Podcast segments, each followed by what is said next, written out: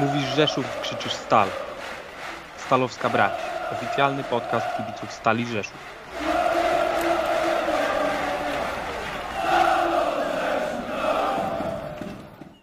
Witamy bardzo serdecznie z tej strony Stalowska Brać, czyli Kamil, Michał, Sebastian oraz Maurycy. Witamy bardzo serdecznie. Siema, siema, panowie. Siema. Cześć. Doprecyzowując, Stal Rzeszów podcast, a dokładnie Stalowska Brać, czyli prowadzony przez kibiców dla kibiców naszego klubu. Za nami dwa bardzo emocjonujące spotkania. Ten rozegrany w Chorzowie w poprzedni weekend oraz ostatni mecz yy, rozegrany przy Hetmańskiej 69 z Akademią Śląska Wrocław. Panowie, dzisiaj chcielibyśmy porozmawiać sobie o tych spotkaniach i, i, również o tym, co nas czeka w najbliższą sobotę o godzinie 15, czyli mecz wyjazdowy na suchych stawach z Hutnikiem Kraków. Może od początku. Mecz lidera z wiceliderem, e, wyjazd do Chorzowa, niesamowita atmosfera, ale zacznijmy od samego spotkania. Sebastian, czy Ciebie zaskoczyło tak odważna gra ruchu Chorzów na początku spotkania? No zdecydowanie tak, bo tak naprawdę zadając sobie pytanie, ale też i Wam, czy ten przebieg pierwszej połowy i olbrzymie posiadanie piłki przez ruch Chorzów i dominacja w tej połowie wynikała z ich planu na taką grę, czy z kolei wynikała z planu trenera myśliwca, który chciał na przykład cofnąć drużynę, i po szybkim przejęciu piłki zbudować szybki kontratak zakończony golem. E, wracając do tej właśnie pierwszej połowy, no e, byłem zaskoczony, bo ta przewaga ruchu Chorzów była no, bardzo widoczna. Niestety z powodów zdrowotnych ten mecz oglądałem w telewizji i te statystyki, które były również pokazywane w telewizji pokazywały to, że ruch Chorzów był stroną przeważającą w tej pierwszej połowie. Natomiast w drugiej połowie się to zmieniło diametralnie. No i tylko nie wiedząc dlaczego i zarówno nieskuteczność naszych napastników, jak i napastników z drużyny Chorzowa spowodowała to, że mecz zakończył się remisem 0-0. Cieszy punkt na boisku tej drużyny, komplet kibiców 8 tysięcy osób, ogromne brawa po prostu dla tych wszystkich ludzi, którzy przyszli na mecz. No nie możemy też zapomnieć o naszych kibicach, bo e, Kamil, ty byłeś w klatce, przybliżysz atmosferę i liczby, jakie, e, jakie wiązały się z wyjazdem do Chorzowa? No atmosfera, panowie, no na takie wyjazdy się czeka. Co wam będę mówił? Wakacje w Chorzowie, super temperaturka, zdjęte ceraty, jak widzieliście. Także no nie można sobie wyobrazić lepszego meczu. E, jeśli chodzi o samo spotkanie, no to ciężko się jednak z tego sektora oglądało. Mecz z uwagi na to, że ta trybuna jest dosyć niska, jeszcze stał ten, e, ta wzwyżka telewizyjna, więc ciężko to było, ciężko to było oglądać ten mecz bardziej, no i atmosfera sama w sektorze, no nie, tutaj my pojechaliśmy zdzierać gardła, nie oglądać mecz, taka jest prawda, e, a jeśli chodzi o sam, sam mecz, ja go, ja go tak naprawdę znam ze skrótu, no i tutaj co mogę powiedzieć, no to chyba panowie e, sędziowanie na dramatycznym poziomie, e, bo parę kuriozalnych sytuacji, zresztą też obie bramki zdobyte prawidłowo według mnie, no pierwsza dla ruchu, no na pewno tam spalonego nie było i tutaj ta, ta zła decyzja sędziego oczywiście na nasz plus, no i później bramka Krzyśka Danielewicza, no co tam Mauryc? Yy, wiesz co, ja mam wrażenie, że jak oglądałem te powtórki, to mimo wszystko było był spalony yy, zawodnika ruchu Chorzów, bo Oczywiście był taki kadr, który latał po internecie, że e, zawodnik nie był na pozycji spalonej, ale pojawił się też taki kadr w momencie, kiedy piłka już się odrywała od nogi, czyli moment mhm. zagrania i napastnik ruchu Chorzów był na pozycji spalonej, więc o tą sytuację e, ja wiem, obie w sumie nieuznane bramki, szczerze mówiąc bym gwiznął i nie uznał, więc tak szczerze, samo tak, bramka tak, Danielewicza. Tak Poważnie. Nie, to według mnie wyjście na pozycję, jak najbardziej walka zdrowa o piłkę i tutaj. No ale dobra, możemy się nie zgadzać i jak ten, wyjaśnimy to za garażami jeden na jednego. Ale mówisz o bramce, że wyjście na pozycję Danielewicza, tak? W tak, naszej tak, bramce? Tak, tak. Nie, mógł tam sędzia gwiznąć. Moim zdaniem y, trochę zastawiał tą piłkę zbyt agresywnie i stąd gwizdek sędziego. Mhm, mhm. Okej, okej. Okay, okay.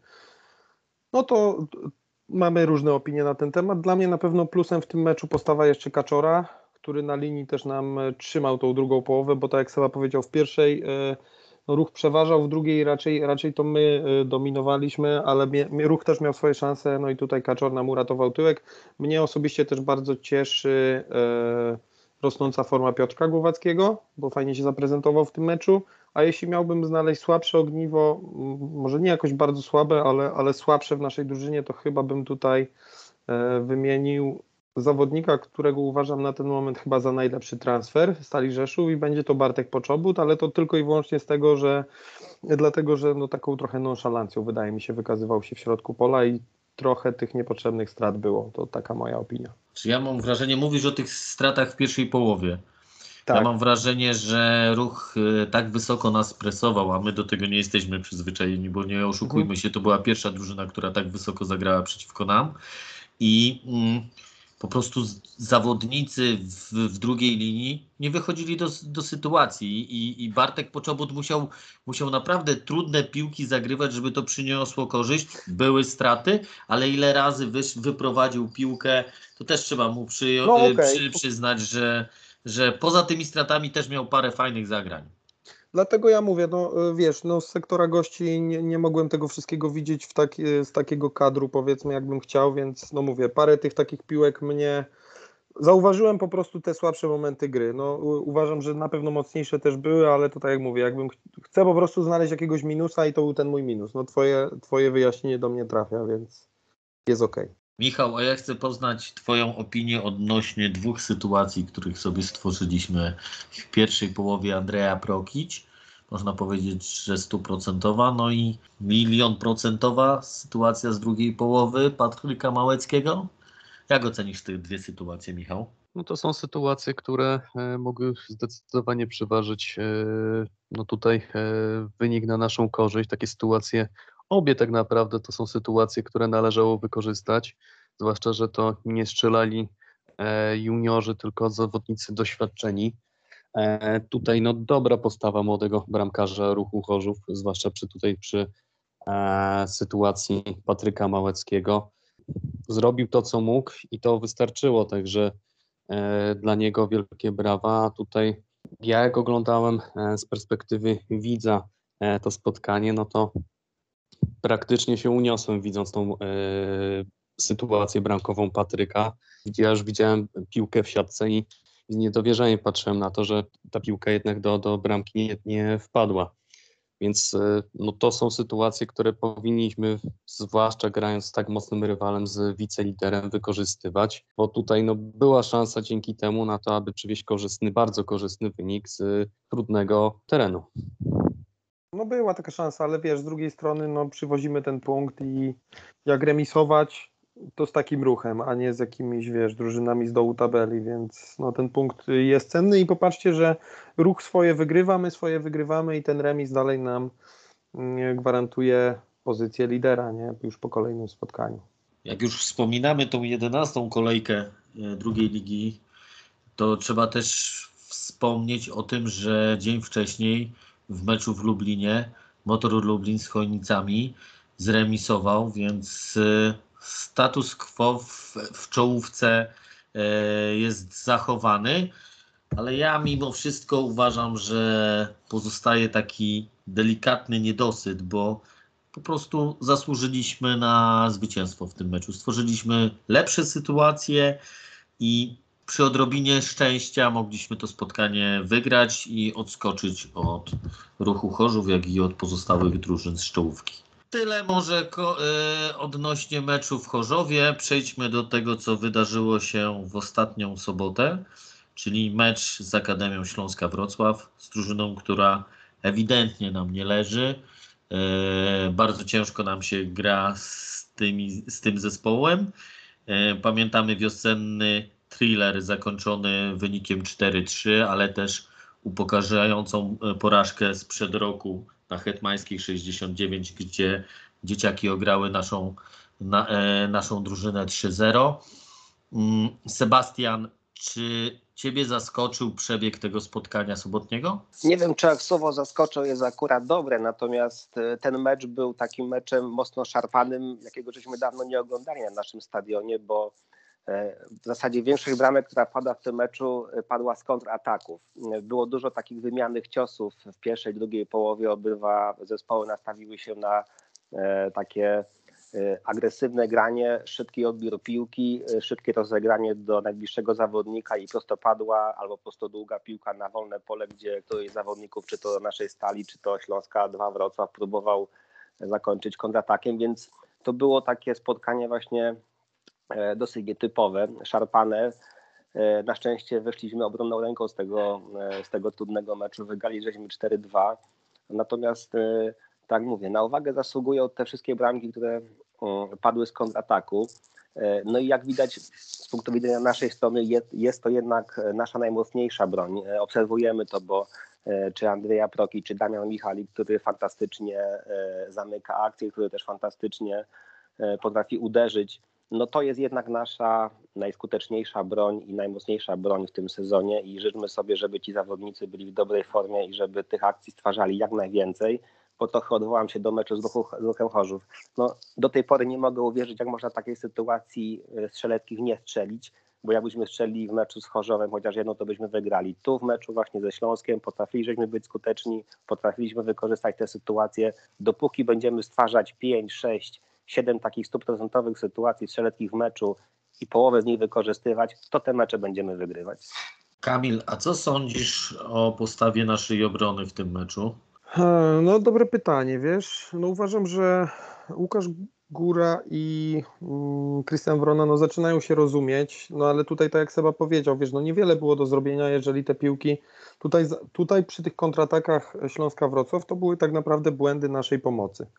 Nie za bardzo co było zbierać w obronie, E, to, co powiedziałem już wcześniej, e, Piotrek Głowacki wskoczył na swój poziom, więc uważam, e, że dobre, dobre zawody rozegrał. A jeśli chodzi o prawo obrony, no tutaj, tutaj mamy tą wymuszoną tak naprawdę zmianę i od początku Ramil Mustafajew, z uwagi na to, że Marci jest na kadrze. No i tak, jeśli chodzi o taką, taki aspekt techniczny i, to, i, i tą jakość, to według mnie widać, że Ramil odstaje ale nadrabia to cechami wolicjonalnymi, panowie, czyli tymi naszymi ulubionymi, bo widać było, że chce, że się stara, a jeśli traci piłkę, to jeździ na tyłku i stara się ją odzyskać, więc e, tutaj na pewno e, duży plus dla niego, bo, bo, bo mimo, że gdzieś tam brakowało jakości, czy przy, przy jakimś podaniu, czy nie wiem, zagraniu dłuższej piłki, czy nie wiem, wyborze partnera, no to tutaj, e, jeśli chodzi o taką walkę w obronie i właśnie to zostawianie zdrowia na boisku, to tutaj myślę, że nie możemy mu nic zarzucić, a przecież o to nam chodzi, żeby, żeby piłkarze dawali z siebie 100% w każdym meczu. No i też ta zmiana, czyli Ramil na prawej obronie wymusza zmianę w środku pola, bo przypominam, że Ramil nie ma obywatelstwa polskiego. Z tego co wiemy, tam chyba jakieś papiery są załatwiane, no ale musiał od początku grać e, olej w środku. No i tutaj no, ta pierwsza bramka, która padła dla Śląska, to spoczywa tylko i wyłącznie na nim. Parę głupich strat, też parę głupich takich wyborów, no ale mm, wiemy, że on też ma wartość dodaną dla tej drużyny, ale czy ta wartość to jest y, stawianie go w środku pola? Według mnie nie, według mnie powinien grać e, no, na dziewiątce, jeżeli, jeżeli już ma grać od startu, od, od początku meczu. No właśnie miałem Sebastiana o to zapytać, czy trener Myśliwiec nie robi trochę krzywdy Dawidowi Olejarce, stawiając go bądź na prawym skrzydle, bądź w środku za e, Bartka Wolskiego, czy też e, Krzysztofa Danielewicza. Seba, jak to oceniasz?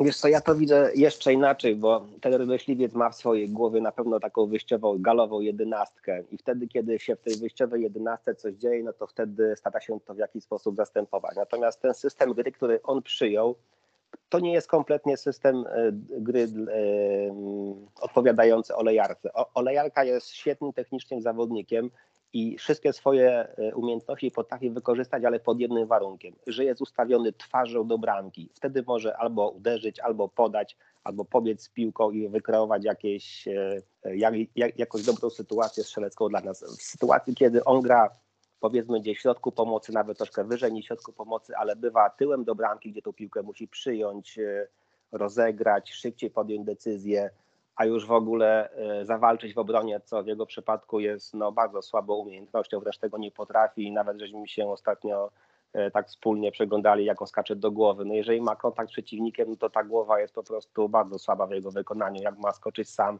no to tą głowę potrafi wygrać. Więc to jest zawodnik, który może być świetnie wykorzystany, ale tak naprawdę na zupełnie innej pozycji i trochę wokół takiego zawodnika trzeba byłoby budować drużynę, a my mamy zupełnie inny patent. Dlatego no, cena olejarki jest dosyć trudna, bo no, nie można być, że tak powiem, e, ukierunkowanym ani na plus, ani na minus. No, bardzo ciekawy zawodnik, ale no, w tym, ten sezon to raczej nie jest e, jakiś super udany w jego wy, wykonaniu. Tym bardziej martwi, bo jest to jeden z bardziej utalentowanych naszych młodzieżowców, ale, ale szczerze mówiąc, pierwszy raz w tym sezonie irytowałem się na poszczególnego zawodnika za to, że mm, już nie wspominam o tej pierwszej bramce straconej, że to był jego wielbłąd, bo zagrał w poprzek pod nogi e, rywala, ale nawet w tych akcjach e, drużyny Śląska jego zaangażowanie w obronie było, było no po prostu na żenującym poziomie i bardzo mnie to irytowało.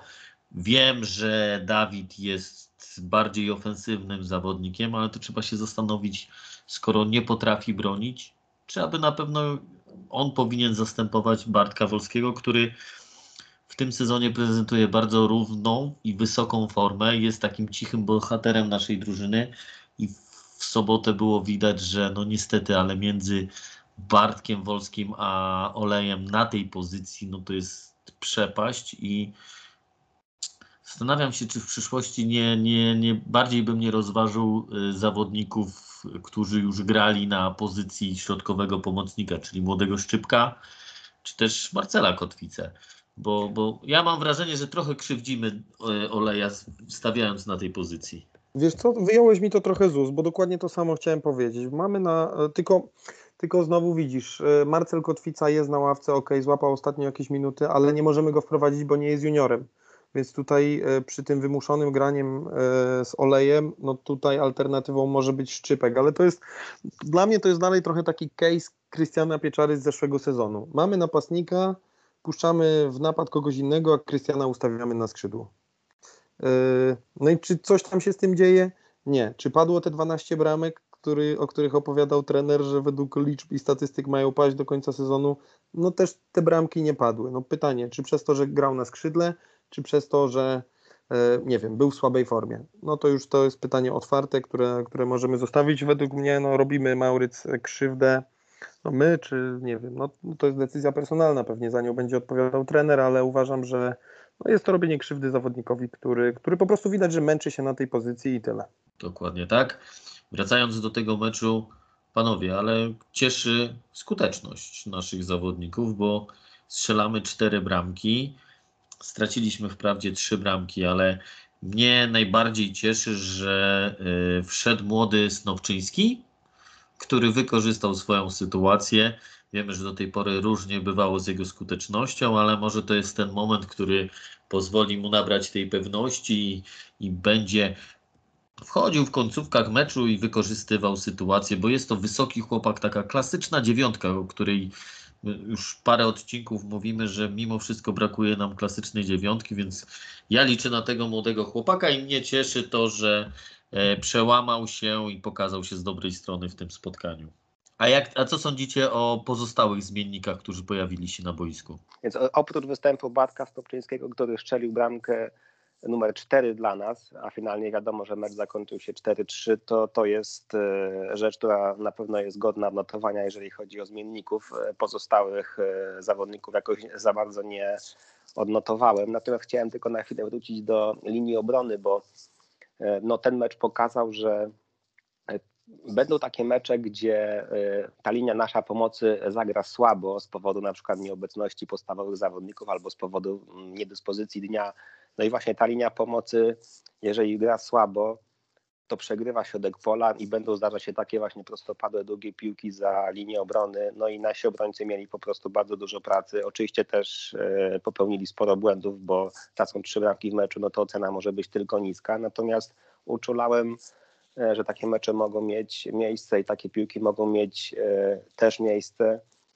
Myślę, że e, będą nad tym pracować na treningach, bo po prostu trzeba ten aspekt minimalizować tak mocno, jak tylko się da. Okej, dzięki Ogólnie, Seba. ogólnie panowie powiało od nas trochę chłodem, ale ogólnie ale jest klasa, mamy lidera, wygrywamy te mecze, więc trochę tak jesteśmy tu smutni, wytykamy jakieś błędy, wiadomo, finalnie mamy trzy punkty, więc to też, żeby nie był taki odbiór, że e, bo wiemy, że ró- ró- różne osoby nas słuchają i e, żeby nie był ten odbiór negatywny. Ogólnie odbiór jest bardzo pozytywny, a no musimy sobie o czymś tutaj pogadać, więc no wiadomo, najłatwiej się wytyka błędy, ale finalnie mamy trzy punkty i jest gitara. No, takimi meczami się wygrywa ligę, bo nie zawsze będzie łatwo i przyjemnie. Mnie cieszy to tak jako plus. Tak jak wspomniałem, w 70 minucie pojawił się Bartek Wolski na swojej pozycji i była mega pewność w naszym wykonaniu. Tak jak traciliśmy, właśnie tak jak Seba powiedział, przegrywaliśmy ten środek pola. Tak jak pojawił się Bartek Wolski, to y, nasza, nasze akcje nabrały takiego wigoru, y, stwarzaliśmy kolejne sytuacje, więc y, cieszy forma Bartka Wolskiego. No niestety jest to kosztem młodego oleja, ale mm, najważniejsze są, tak jak Kamil powiedział, trzy punkty i takimi meczami właśnie nie zawsze będzie e, miło i wygodnie i komfortowo. Wywalczyliśmy te trzy punkty z Akademią Śląska, która jest zawsze nieobliczalna i tak jak ostatnio straciła punkty z Sokołem Ostruda, tak e, potrafiła wygrywać z innymi drużynami stopu, więc cieszy trzy punkty. Przed nami mecz na suchych stawach z Hutnikiem Kraków, mm, z drużyną, która e, no jest w dole tabeli, e, wciąż nie wyszła z kryzysu, mimo że w przedostatniej kolejce pokonała u siebie Chojnicę 1-0, ale no niestety porażka w Ostrudzie pokazuje, że jest to drużyna, która, której forma jest daleka od ideału.